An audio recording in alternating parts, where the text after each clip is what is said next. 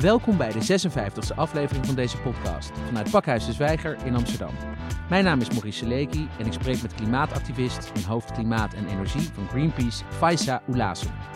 Op maandag 16 december is ze te gast tijdens het programma De Impact van de Agenda in Pakhuis de Zwijger. Welkom Faisa. Dank je. Faisa, je bent uh, hoofd klimaat en energie van Greenpeace.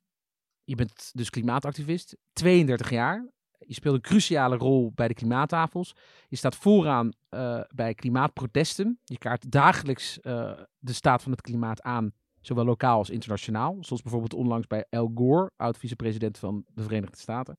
Dat we naar een betere en duurzamere wereld moeten.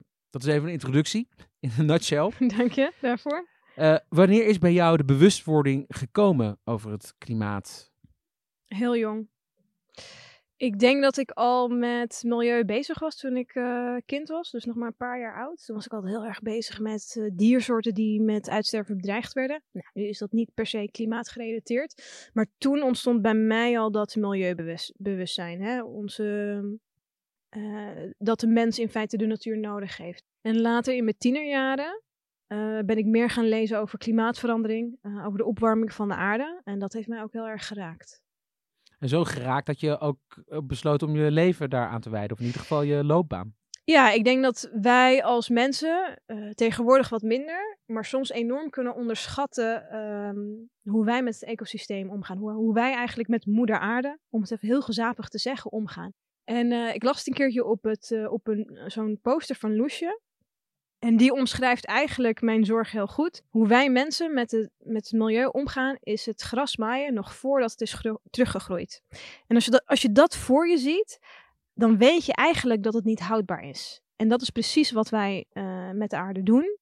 En that's gonna bite us back. Dat is gewoon niet houdbaar. Weet je, de aarde geeft ons de lucht die wij inademen, uh, het water wat wij drinken, het voedsel wat wij eten.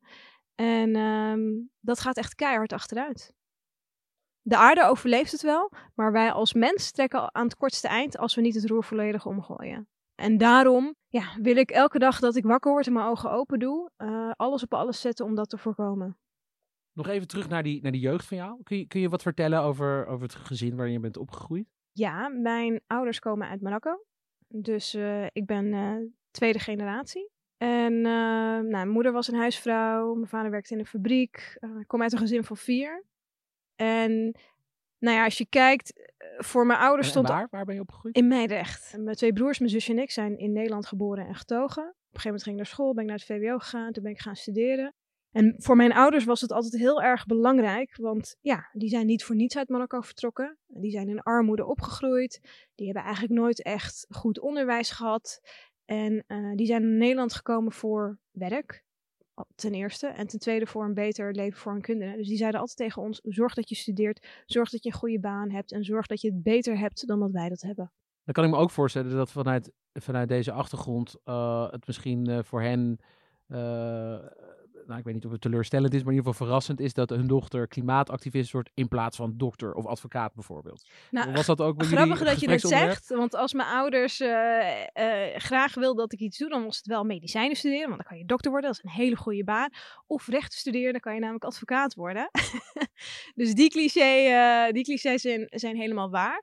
Um, ja, kijk, ik, ik, ik denk dat ze zoiets hadden van, ja, maar als je nou politicologie gaat studeren en, en daarna iets wil gaan doen met milieu, ja, kan je daar wel een goede baan mee krijgen. En dat was altijd hun voornaamste zorg. En voor mij, ja, um, tuurlijk, weet je, zeker als je, als je uit een arm gezin uh, komt, word je ook wel heel erg gedreven door het feit dat je financieel onafhankelijk wil zijn. Nu leven we in een redelijk welvarend land of een heel rijk land. Dus dat komt wel goed. Als je, zeker als je naar school gaat, je doet je best en je zoekt een baan, dan kan je eh, prima vertoeven in Nederland. En ik wil niet zozeer, zoals ik al zei, als ik elke ochtend wakker word en mijn ogen open doe, veel geld verdienen. Ik wil graag um, me inzetten voor een betere wereld. En dat, dat is echt heel, ja, die zal je veel vaker horen. Maar uh, in dat opzicht is het waar. In dat opzicht ben ik wel een enorm, enorme wereldverbeteraar. Ja, maar en je hebt ook trouwens een hele goede baan uh, gekregen, want je bent dus... Ja. Uh... En wat ik daarbij moet zeggen, ik denk ook wel het milieu waar mijn ouders uitkomen, uh, van armoede. En ik denk ook wel dat, nou ja, als je als Marokkaan opgroeit in Nederland, want zo word je gezien.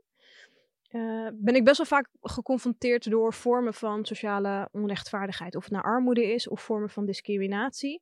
Vanwege, vanwege mijn afkomst, maar ook vanwege het vrouw zijn. En ik denk dat dat het gevoel van willen vechten tegen sociaal onrecht en verandering teweeg willen brengen, enorm heeft aangewakkerd. En voor mij is ook klimaatverandering een vorm van sociaal onrecht. Overigens niet het enige onderwerp waar ik me enorm druk over kan maken. Toch ook wel interessant, we gaan er ook later wat dieper op in. Want uh, laten we zeggen, binnen de milieubeweging ben je nog steeds een van de weinige uh, gezichten met een biculturele achtergrond. We gaan daar ook... Je, je, mag het best zeggen hoor, een van de weinige niet-witte mensen. Ja, of niet-witte mensen. Zo kunnen we het ook noemen. Um, nou ja, we kunnen het ook meteen daarover hebben. Dat, uh, want dan is die elephant ook uit de room. Ja. Uh, voor de goede verstaande overigens ben ook ik niet, uh, niet wit. Ehm, dus we zitten met twee niet-witte mensen. En dit is ook al uitzonderlijk, hè? Ik word zelden geïnterviewd door iemand die niet wit is. Nou, dat is. we klinken wel wit, denk ik, maar we, denk ik we ook, zijn ja. het niet. Maar het is, het is interessant, want binnen die milieubeweging Um, zijn er weinig mensen met een, uh, van kleur uh, of met een biculturele achtergrond die actief zijn. Uh, zeker bij de professionele organisaties, de Greenpeace's, de, de Milieudefensies, dat soort organisaties. Terwijl het wel natuurlijk een vraagstuk is die iedereen aangaat. Dus dat, dat staat buiten kijf. Het is ook iets waar men zich steeds bewuster van wordt binnen de milieubeweging ja. ook zelf. Het is overigens ook niet dat het alleen maar in de milieubeweging speelt. Dat speelt ook in de cultuursector, in de media, nou, ja. op heel veel andere domeinen. Dus iedereen probeert er wat aan te doen. Maar ho hoe kan het volgens jou dat die milieubeweging in Nederland uh, nog steeds zo wit is? Uh, ik denk dat het te maken heeft doordat, omdat de milieubeweging wit is, spreek je geen mensen aan die niet wit zijn. Dus we spreken niet voldoende mensen aan met een, een andere etnische achtergrond. En ik denk op het moment dat je dat wel doet, op het moment dat je ook mensen hebt in de milieubeweging. Um, als je, nou, laat ik het anders zeggen. Als de milieubeweging diverser zo, zou zijn, dan worden de verhalen die wij vertellen ook anders. Dan ga je het vanuit een ander perspectief vertellen. Om, je, nou, om iets te noemen. Als je kijkt naar klimaatverandering. Uh, wie zijn de mensen die het hardst worden geraakt? Dat zijn juist mensen in armere landen. Dat zijn juist de landen waar uh, de migranten die je in Nederland hebt, die komen meestal daar vandaan. Als je die verhalen meer weet te vertellen, dan zul je ook die groepen in Nederland veel beter weten aan te spreken. Maar ja, als je vooral zit met witte mensen in de milieubeweging, dan heb je, ook al willen ze dat wel, maar veel minder, veel minder dat perspectief. Dus ik denk, ik denk dat wij die link gewoon niet kunnen leggen. Ik denk dat heel veel uh, Marokkanen, Turken, Surinamers, Antillianen zich niet kunnen identificeren uh, met de witte milieubeweging. En hoe komt het dat jij dan uh, op een of andere manier toch door dat uh, groene plafond bent gebroken? Ja, goede vraag. Kijk, zoals ik al zei, uh, bij mij is het je heel jong begonnen. Um, nou ja, ik zie wel dat de milieubeweging aan het veranderen is. toen ik bij Greenpeace begon, dat is precies acht jaar geleden, um, kwam ik echt, nou ja, kwam ik eigenlijk alleen maar witte mensen tegen. En dat is nu sinds een paar jaar wel aan het veranderen. Kijk, ik denk ook wel dat het zo is. De tweede generatie zie je nu steeds meer terug in het bedrijfsleven, in maatschappelijke organisaties en dus ook bij uh, de milieubeweging. Dat heeft tijd nodig. En ik denk naarmate eigenlijk de boel aan het verkleuren is, veel meer mensen zich met dat soort organisaties kunnen identificeren. En ik denk dat dat ook wel mensen inspireert. En ik denk wat misschien, nou ja, bij ook wel mee heeft geholpen, althans specifiek bij Greenpeace, om het ook een wat minder wit gezicht te geven. Ik heb, heb ook een tijdje in de bak gezeten. En ik denk dat heel veel mensen zoiets hadden, oh ja, een jonge vrouw en dan ook nog eens van Marokkaanse afkomst. Goh, dat had ik niet verwacht. En um, dat viel me toen de tijd heel erg op. En ik weet nog dat ik in die periode, is inmiddels zes jaar geleden, zes jaar 2013. geleden kwam ik, precies zes jaar geleden, deze tijd van het jaar kwam ik uh, uit de bak. En ik weet nog dat ik door, door ontzettend veel uh, Marokkanen werd aangesproken. En die heel erg trots waren op hetgeen wat ik had gedaan. En zich eigenlijk heel erg druk maakten uh, druk maken over klimaatverandering en zich ook heel erg bezighouden met het milieu. Maar denk ik nooit iemand zagen waarvan zij dachten: hé, hey, dat is iemand net zoals ik. De bak. Hè? Je bent uit de bak gekomen, uh, gelukkig maar. Maar uh, je bent er ook ingekomen. Gelukkig, ja. In 2013. Klein is een groot goed. En het was niet zomaar een cel, want het was een cel in Rusland. Omdat je werd verdacht van piraterij na een actie van Greenpeace tegen een boorplatform op de Noordpool. Uh, in, voor piraterij in Rusland staat 10 tot 15 jaar celstraf. Vertel ons alles over deze actie. Wat wilden jullie bereiken? De arrestatie, je ervaring in die gevangenis. Klinkt nog, nog steeds bizar. Piraterij. ergens ook wel grappig als het, eh, als het niet serieus was. Dat er gewoon 10 tot 15 jaar op stond. Maar ja, wat is er gebeurd? Uh, zes jaar geleden zat ik op een schip, het Greenpeace-schip de Arctic Sunrise, samen met 29 anderen. En wij waren op weg naar de Noordpool. En we gingen daar protesteren tegen olieboringen in het Noordpoolgebied. Uh, dat deden we vanwege klimaatverandering, vanwege de risico's op olierampen in een kwetsbaar natuurgebied waar je hele bijzondere diersoorten hebt, uh, zoals ijsberen, walvissen, ga zo maar door. Nou, dan moet je ook daad bij woord voegen, dus wij dachten wij gaan daar actie voeren. Dat is ook wat Greenpeace doet, we voeren actie. En we hebben eigenlijk vaker actie gevoerd in dat gebied, ook in het bijzijn van Russische autoriteiten. Um, maar die ene keer dat wij er naartoe gingen, toen in september 2013, reageerden ze heel anders. Um, en probeerden ze een stokje te steken. Dus we waren bij een boorplatform van een Russisch oliebedrijf. En uh, op het moment dat wij Gazprom eigenlijk van toch? Gazprom inderdaad. En op het moment dat wij uh, richting het boorplatform probeerden te gaan met onze actievoerders, hebben zij hun wapens getrokken, in de lucht geschoten, in het water, zelfs op onze mensen. Het is echt een godswonder dat er niemand gewond uh, is geraakt, althans niet ernstig gewond. En toen dachten we wat is hier nou weer aan de hand? Dus wij moesten zo snel mogelijk iedereen terugtrekken. Toen hadden we bijna alle mensen terug op ons schip. Maar twee daarvan werden op het water gearresteerd door de kustwacht. Dus ja, wij konden eigenlijk niet weg. We waren midden op zee, vlakbij zo'n boorplatform. De kustwacht zat, ons op de hielen. Die hadden ook twee van onze mensen gearresteerd. Dus we dachten van, nou ja, we gaan niet zomaar weg. Want we willen onze mensen terug. En uh, de volgende dag hing er een militaire helikopter boven het schip. En waren we omsingeld door de Russische kustwacht. En uh, zag ik, ik weet nog dat ik op een gegeven moment het dek oprende van het schip. En toen keek ik naar boven en het was net de openingsscène van een James Bond film. Want ik zag die militaire helikopter, ik denk op 10 meter boven het schip. En ik zag zo'n touwtje naar beneden komen. En iemand in legerkleding met zo'n bivakmuts en zo'n AK-47 naar beneden afzeilen. Dat was Vladimir Poetin. Uh, precies. Nou ja, dat nog net niet. En um, binnen drie minuten was het schip overgenomen. En waren wij eigenlijk in feite gearresteerd. En vanaf dat moment zijn wij ook het contact met de buitenwereld verloren. Nou, toen werd het schip gesleept naar Moermansk. Dat is een stad in het noorden van Rusland. En daar kwamen we voor twee maanden in de bak te zitten.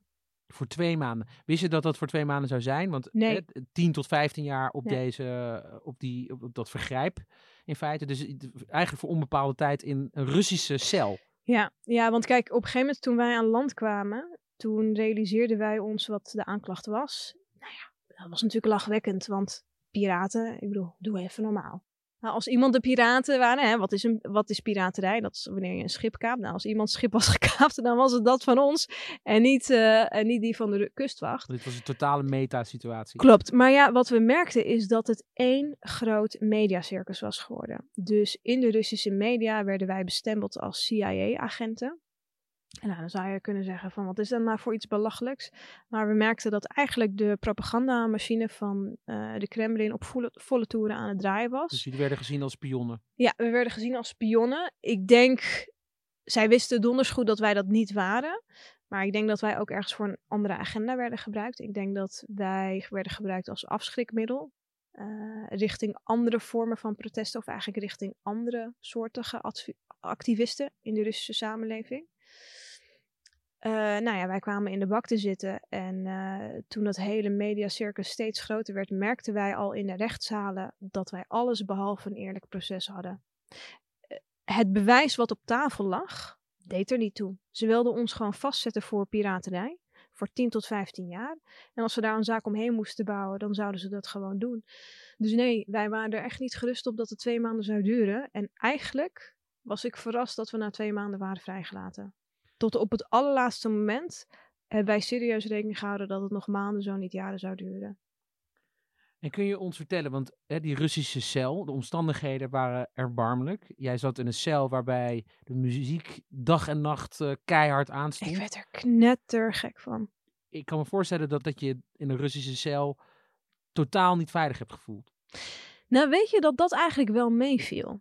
Uh, wij merkten namelijk, althans ik merkte, um, omdat onze zaak zo politiek werd gemaakt en zo'n enorme showcase werd in de media, En omdat wij mensen hadden met heel veel verschillende nationaliteiten, dus we waren met 30 mensen die uit 18 verschillende landen kwamen, was er heel veel aandacht voor wat er met ons gebeurde. En ik merkte dat alles volledig werd aangestuurd vanuit het Kremlin. En dus ook dat de bewakers eigenlijk niet zoveel met ons durfden te doen. Oké, dus, dus die waren wel heel voorzichtig. uitbreken. Ja, ja, ja, dus die waren wel heel. Het, het was wel heel erg van don't die on my watch. die waren daar wel best, wel- die waren daar best wel huiverig voor. En dat is, ja, dat is gewoon omdat iedereen eigenlijk meekeek.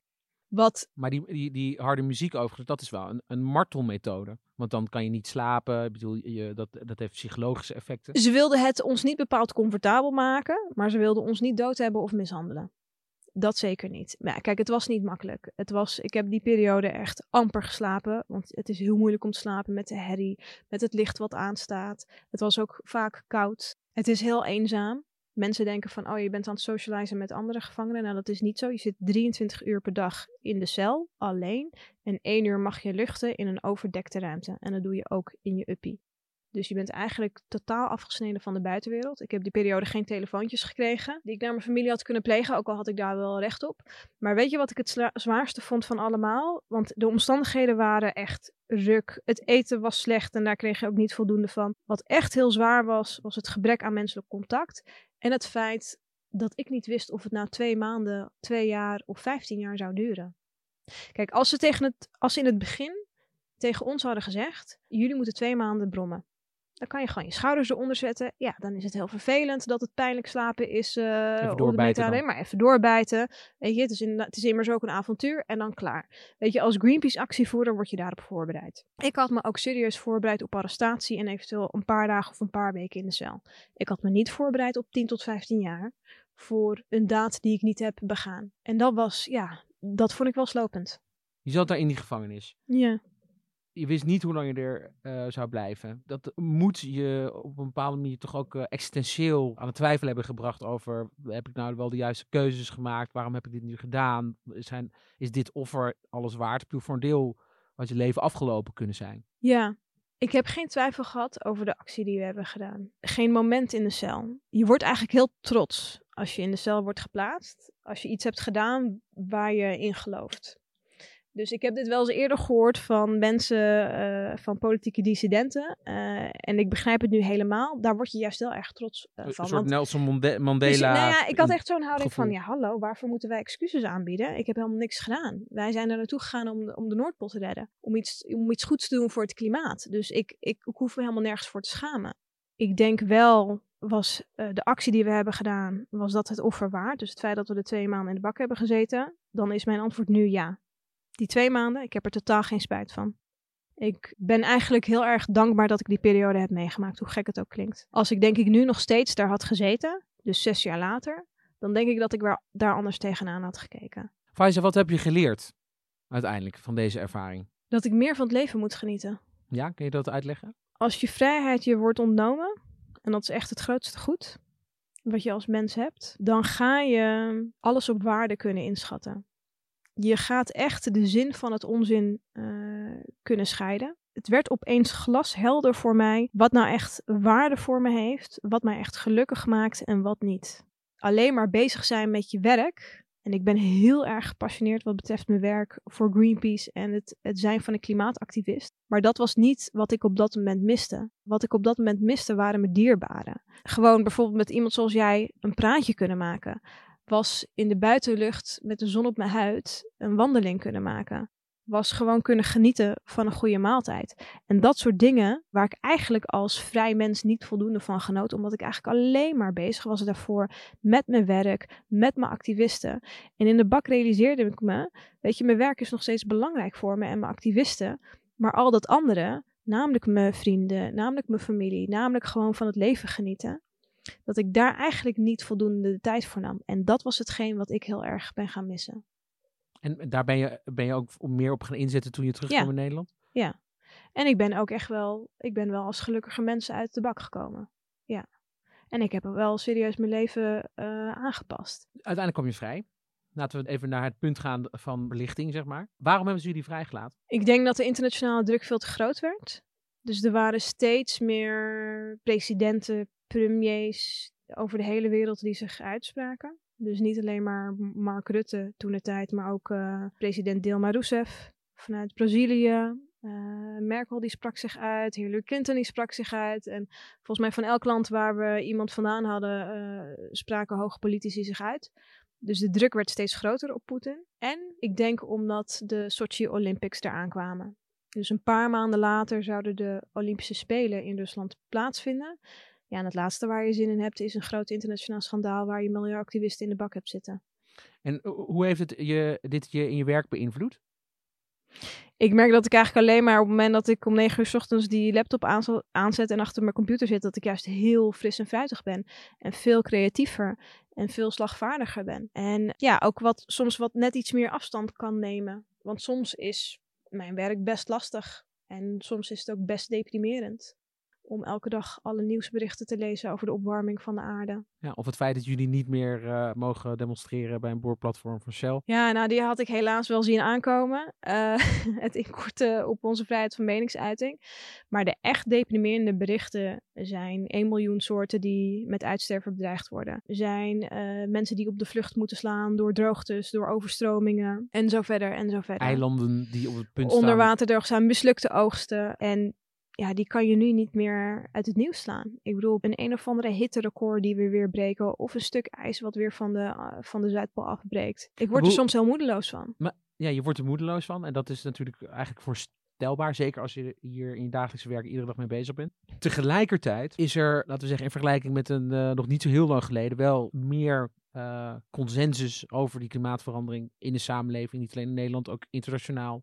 Er zijn klimaatakkoorden, klimaattafels. Je hebt er zelf ook aan gezeten, als een van de jongste leden. Er is veel aandacht. Er zijn nieuwe bewegingen, uh, zoals Extinction Rebellion. Oude bewegingen die zich opnieuw uitvinden, zoals een kleine milieubeweging als WISE. Uh, er zijn heel veel verschillende ontwikkelingen die in ieder geval misschien wel maken dat er bij jullie als Greenpeace het gevoel bestaat dat jullie niet langer meer alleen staan. Daar heb je helemaal gelijk in. Klimaat staat hoog op de agenda. Sterker nog, het staat nu bovenaan de politieke agenda. Je ziet dat het ook bovenaan de mediaagenda staat. Je ziet ook dat mensen zich niet alleen maar er zorgen over maken, maar ook echt op straat durven te gaan en actie durven te voeren. En dat doet mij heel erg goed.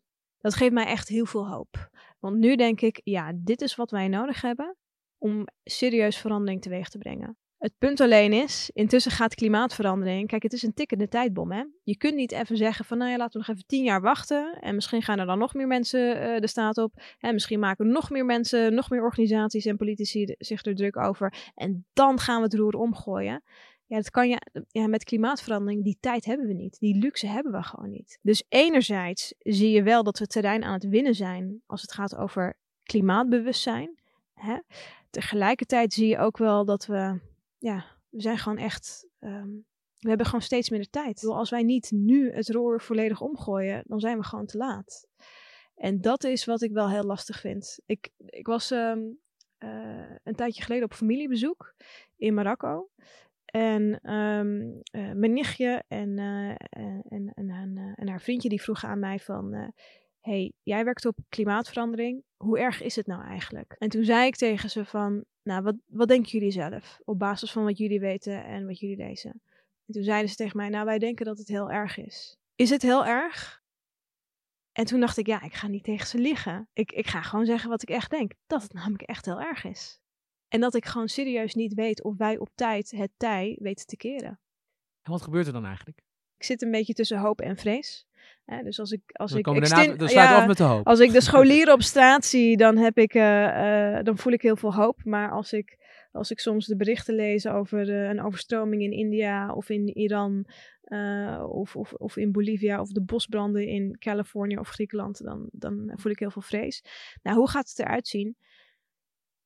Nou ja, over pakweg een paar decennia. Als we doorgaan zoals we nu leven, tientallen, zo niet honderden klimaatvluchtelingen uh, dus mensen die huis en haard moeten verlaten. Enorme voedseltekorten. Nou ja, ik denk dat je zeker wel je watervoorzieningen, je zoetwatervoorzieningen, zullen met 40% uh, dalen. Misschien wel halveren, als het niet erger is dan dat. Sommige gebieden zullen onbewoonbaar worden. Die zullen gewoon onder water komen te staan. Maar sommige gebieden zullen ook gewoon simpelweg te heet zijn. Kijk naar het Midden-Oosten. Er zijn voorspellingen dat het op een gegeven moment richting de 60 graden zal zijn. Daar zullen jonge, gezonde mensen niet over straat kunnen. De zeespiegel zal stijgen. Dus bepaalde gebieden, bepaalde eilanden zullen gewoon verdwijnen. De Sahara zal oprukken. Het is niet ondenkbaar dat Frankrijk de nieuwe, de nieuwe grens van de Sahara zal worden. Nou ja, de Amazone zal grotendeels opdrogen. Ik denk dat een groot deel van de biodiversiteit ook zal verdwijnen. Dus denk aan, uh, aan zeg maar alle beestjes en de vissen. Veel mislukte oogsten. Ja, dat ziet er niet goed uit. En al die, al die ontwikkelingen zullen ook allemaal wel weer nieuwe problemen met zich meebrengen. Oorlog. Ja, en ik ben overigens, ik ben extreem weer vergeten. Dus dat zal ook heel veel slachtoffers met zich meebrengen. Dat zie je ook nu. Hè. Orkanen worden steeds heftiger, steeds ernstiger. Je ziet steeds meer slachtoffers. Kijk, waar we over praten is gewoon een kwestie van leven en dood. En dat is wat we nu al zien. En dat zal alleen maar erger worden. En hoe komt het toch? Want kijk, eigenlijk kennen we deze beelden. Als jij het zo schetst, ja. dan zien we films als Waterworld en allerlei andere apocalyptische drama's zien we voor ons. En, en, en, en boeken, weet je wel, die gaan over uh, post-apocalyptische samenlevingen die helemaal weer teruggeworpen zijn uh, in de tijd. Sinds de Club van Rome, weet je, kan niemand, en dat was in de jaren 70, uit de jaren 80, kan niemand eigenlijk nog ontkennen dat we het niet weten. Ik bedoel, wij zijn alle twee millennials, dertigers die in de jaren 80, 90 zijn opgegroeid. Wij hebben het verhaal van de ozonlaag nog meegekregen. Daar zijn we mee opgegroeid, Daar ja. zijn we opgegroeid. Dus dit, dit, is, dit is eigenlijk niet nieuw. Maar hoe komt het dan toch dat we niet echt massaal gewoon nu al schouder aan schouder alles neerleggen waar we mee bezig zijn en dit probleem gaan oplossen? Het is, het ligt niet aan de techniek. Geld is niet het probleem. Het ligt aan de politieke wil. De politieke wil is er gewoon niet. En dat heeft te maken met belangen, met de status quo van bepaalde, van bepaalde bedrijven, van bepaalde structuren. Weet je, het is mogelijk. Wij, de- de wij kunnen dan? morgen, wij kunnen vandaag, wij vandaag het weer omgaan. Ja, nee, de burger. Maar ja, zeg maar, ik, ik, de burgers, dat, dat, dat zijn wij allemaal. Dat zijn we allemaal. Bedoel, wij kunnen toch ook die politiek eh, dwingen om dingen te doen? En dat zie je nu gebeuren. Dat zie je wel degelijk nu gebeuren. Het punt alleen is dat de vraag is hoe snel we dat zullen kunnen doen. En ook, je moet bedenken, de burger die vraagt nu steeds meer om klimaatactie. Ja, die, die eist nu van de overheid, kom van je luie stoel af. Of kom een keertje van die stoel af en ga een keertje wat doen. Dus nu beginnen ze de druk te voelen. Alleen wat je wel ziet, je ziet nog steeds gewoon enorme tegenbewegingen van hele grote eh, machtige bedrijven. Zoals een Shell, zoals een BP en een ExxonMobil. En wat ik in mijn werk zie, is dat die gewoon 9 van 10 keer het beleid eh, voorschrijven. Die hebben een kort lijntje met ministers en onze minister-president. En die knikken ook heel vaak naar ja, nee, banen. En ja, nee, er moet wel winst worden gemaakt, et cetera, et cetera. Alleen, en wat je ziet dat die politici zich ook heel vaak laten gijzelen door dat soort bedrijven.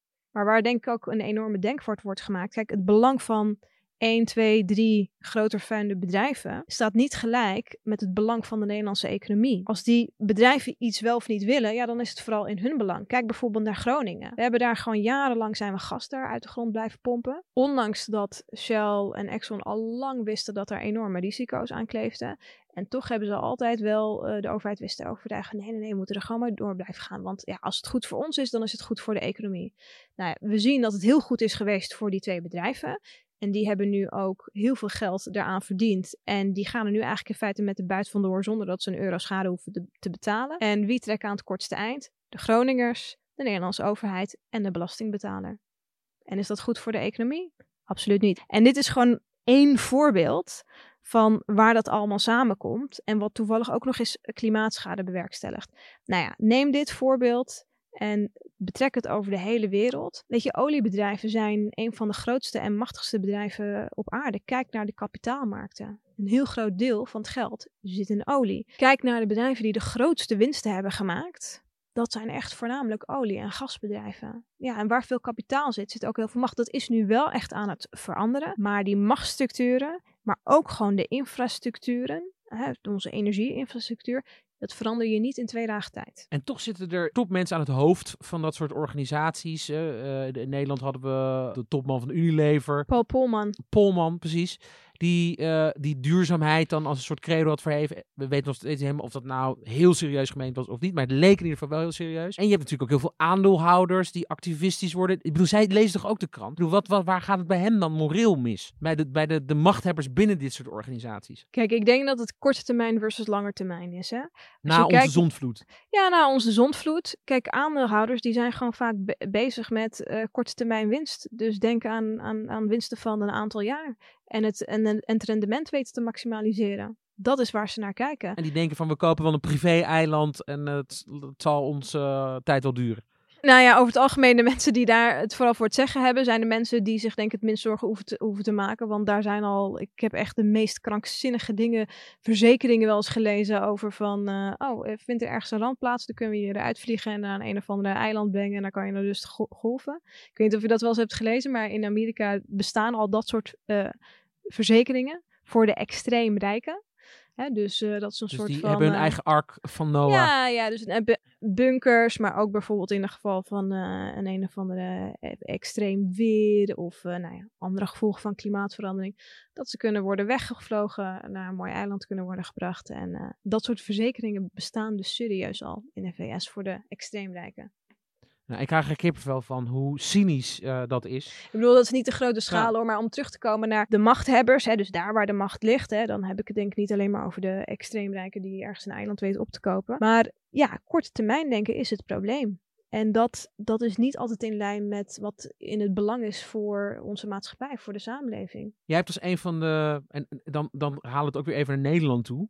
Want het, het meta-vraagstuk over de hele planeet gezien is, eh, is overweldigend eigenlijk. Maar in Nederland lijkt er dan heel concreet een klimaatakkoord te komen. Wat ook uitgevoerd gaat worden. Wat mede eh, voorbereid is eh, en doorbesproken is aan die klimaattafels. Er waren vijf klimaattafels. We hebben ook eerder bijvoorbeeld Kees Vendrik eh, eh, hier aan tafel gehad in deze podcast. Die ook weer aan een van die klimaattafels zat. Jij hebt in ieder geval daar ook als een van de jongste leden eh aangezeten aan zo'n klimaattafel. Kun je ons even meenemen naar hoe dat proces in elkaar zat? Hoe, hoe ging het achter de schermen eraan toe? Ja, het is wel een van de meest bijzondere processen die ik ooit heb meegemaakt. En ook een van de meest chaotische processen die ik heb meegemaakt. Je moet je voorstellen, een zaal waar je overheid in stopt. eh, grote bedrijven zoals Shell, Tata Steel, Dow Chemicals, dus echt de grote vervuilers.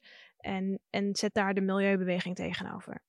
Nou, en zo ziet een klimaattafel eruit. Specifiek die van industrie. Want ik zat aan die van de industrietafel. Als je aan die van bijvoorbeeld de gebouwde omgeving eh, zat, dan zag die er iets anders uit. Dan heb je daar allemaal woningcorporaties en veel meer gemeenten.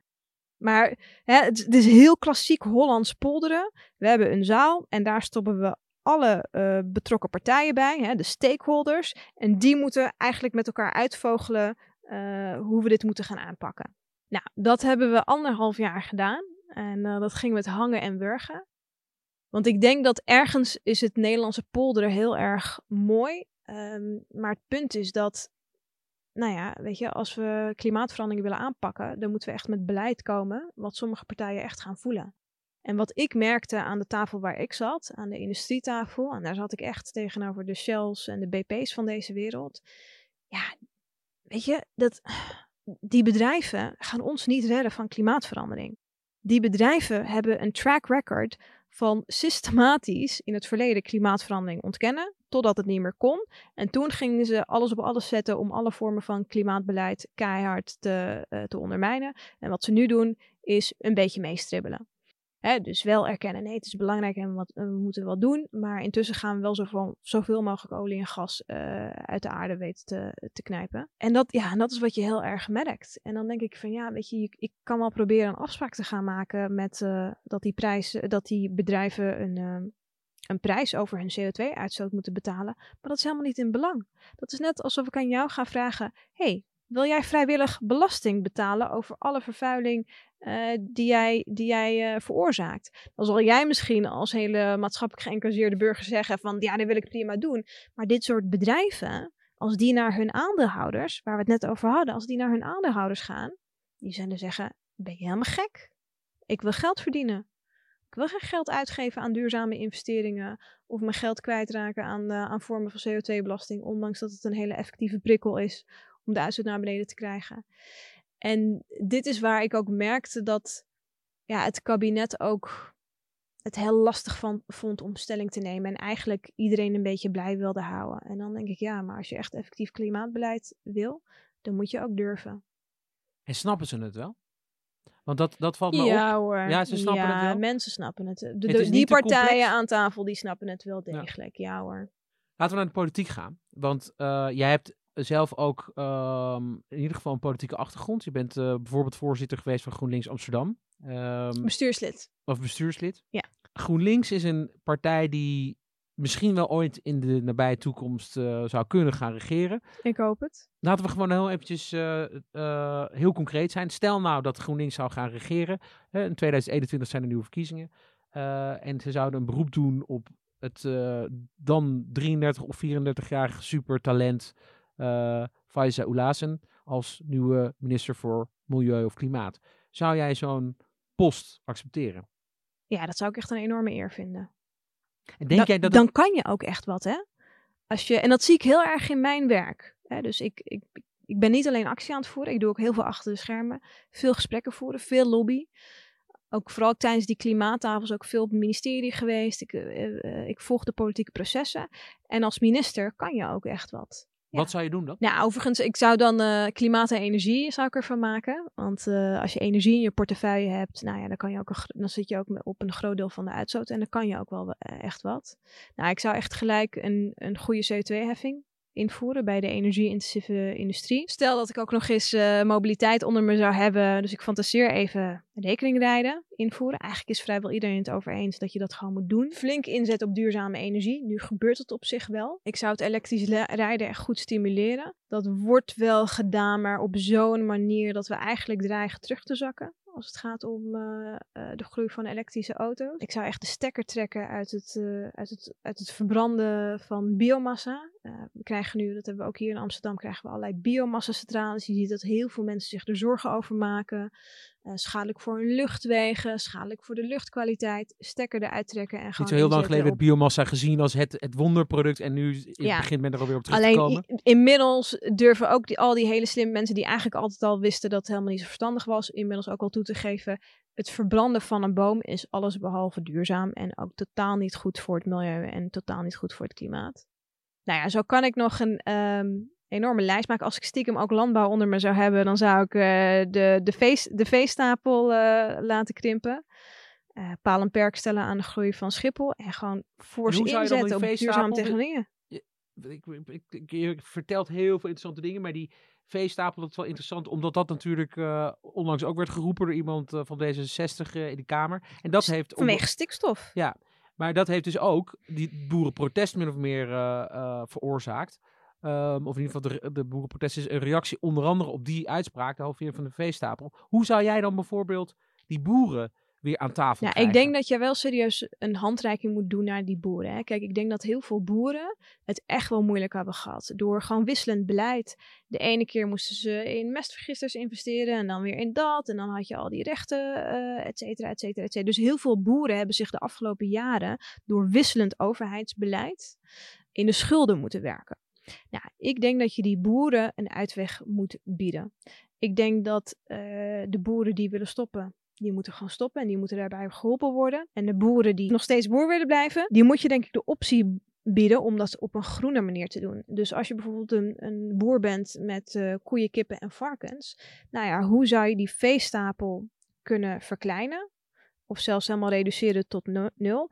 En dat zij bijvoorbeeld bepaalde gewassen kunnen eh, eh, verbouwen op een duurzame manier. Die mogelijkheden zijn er. Alleen je moet ze er wel bij helpen. klinkt allemaal zo logisch eh, als jij het vertelt. Verbaast me toch dan af hoe dat dan mis is gegaan, zeg maar landelijk. Want dan hadden we misschien een heel boerenprotest hebben we niet nodig gehad. Maar nou ja, dat het, is het, even... ver- het vergt ook best wel wat.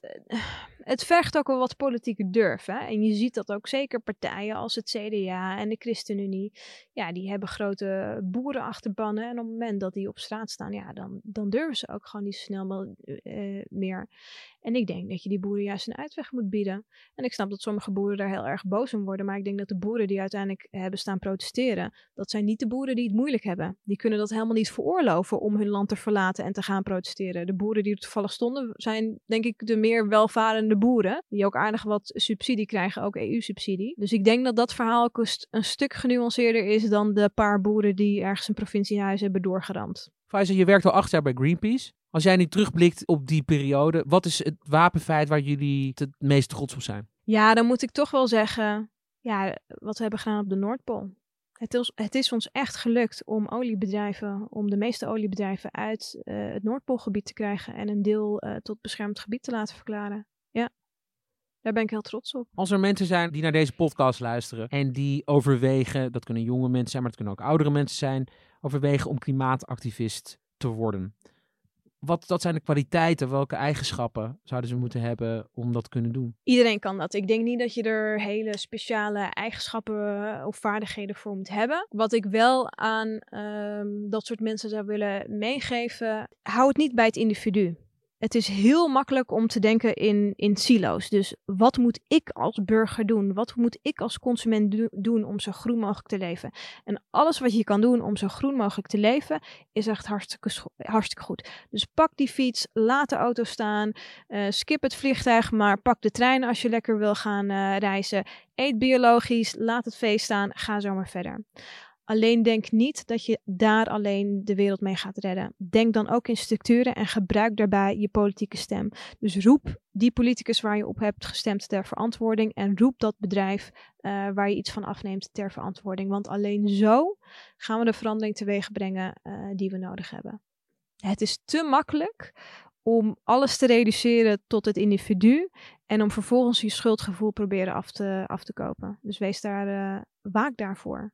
Naomi Klein die, die zei het op een gegeven moment heel mooi. Die, die zei op een gegeven moment van, nou ja, somebody, uh, somebody asked me, iemand heeft aan mij gevraagd, wat kan ik doen om het klimaat te redden? En toen zei zij van, nou ja, dat is de triomf van het neoliberalisme. Alles wordt zo gereduceerd tot het individu. Maar kijk, jij en ik weten volgens mij donders goed, als we alles doen, als we, als we het helemaal juist doen en hartstikke duurzaam leven, en we gaan ook over op groene stroom en dergelijke, dan gaat die kolencentrale aan de rand van Amsterdam nog steeds blijven draaien. Nu gaat die toevallig wel dicht, maar dat is een overheidsbesluit. En niet omdat jij en ik toevallig het groene, uh, het groene doen. En ik zie dat met name in het werk uh, wat ik doe, zie ik dat steeds meer van die grote bedrijven eigenlijk een beetje eh, proberen te zeggen: Weet je, het is niet allemaal onze schuld. Het is eigenlijk de consument, die doet het allemaal. Maar zo simpel zit, zit de wereld helemaal niet in elkaar. Weet je, het is gewoon niet zo dat wanneer het individu overstapt op een groene levensstijl, dat we dan klimaatverandering hebben gestopt. Dat zit hem echt in de energievoorziening. Het zit hem echt in, in de fabrieken waar onze producten uitkomen, hoe grote bedrijven hun besluiten maken. Het zit hem in overheidsbeleid. En wat ik steeds meer zie, zijn allerlei initiatieven die het wel reduceren tot het individu, als een soort van, ja, bijna een soort van schuldgevoel wat je dan kan, uh, kan afkopen. Wat dan ook weer leidt tot allerlei vormen van schaamte. Ja, vliegschaamte, vleesschaamte. Zo zijn er nog 10.000 andere termen. Ik schrok laatst ontzettend van een voorbeeld. Ik kreeg een e-mail met de website van een bedrijf waarin je een CO2 creditcard kon kopen. Een CO2 creditcard. Nou vraag je je af, oké, een creditcard, ik weet wat het is, en, uh, maar hoe is het gelinkt aan CO2? Nou, deze creditcard, als je ermee betaalt, dan stopt die op het moment dat je over je CO2-limiet heen bent. Dus als je te veel hebt uitgestoten. En toen dacht ik, nou ja, dan ben je er volgens mij als gemiddelde Nederlander binnen een paar dagen er doorheen. Als je kijkt naar de, onze gemiddelde voetafdruk. En ik dacht, wat ga je dan tegen iemand zeggen? Nee, je mag geen boodschappen doen. Nee, je kan geen nieuwe paar schoenen kopen, ook als je schoenen stuk zijn. Nee, sorry, je moet even in het donker gaan zitten, uh, al het licht uitdoen en een kaarsje aan gaan zetten. Dat is toch niet realistisch? De samenleving, de economie verandert toch niet wanneer jij als, als burger in je uppie het opeens allemaal goed probeert te doen. Die CO2 creditcard is een soort van aflaatbrief anno 2019. En daarom zou ik aan activisten willen meegeven. Weet je, denk niet in silo's, maar denk in structuren. Samen sta je sterker. Dus ga de straat op, voer actie en gebruik je politieke stem. En dan gaan we er komen. Dankjewel, Faiza Oelassen. Beste luisteraars, dit was de 56e aflevering van de podcastserie van Pakhuis de Zwijger. Meer weten over dit onderwerp? Kom dan naar het programma De Impact van Urgenda op maandag 16 december.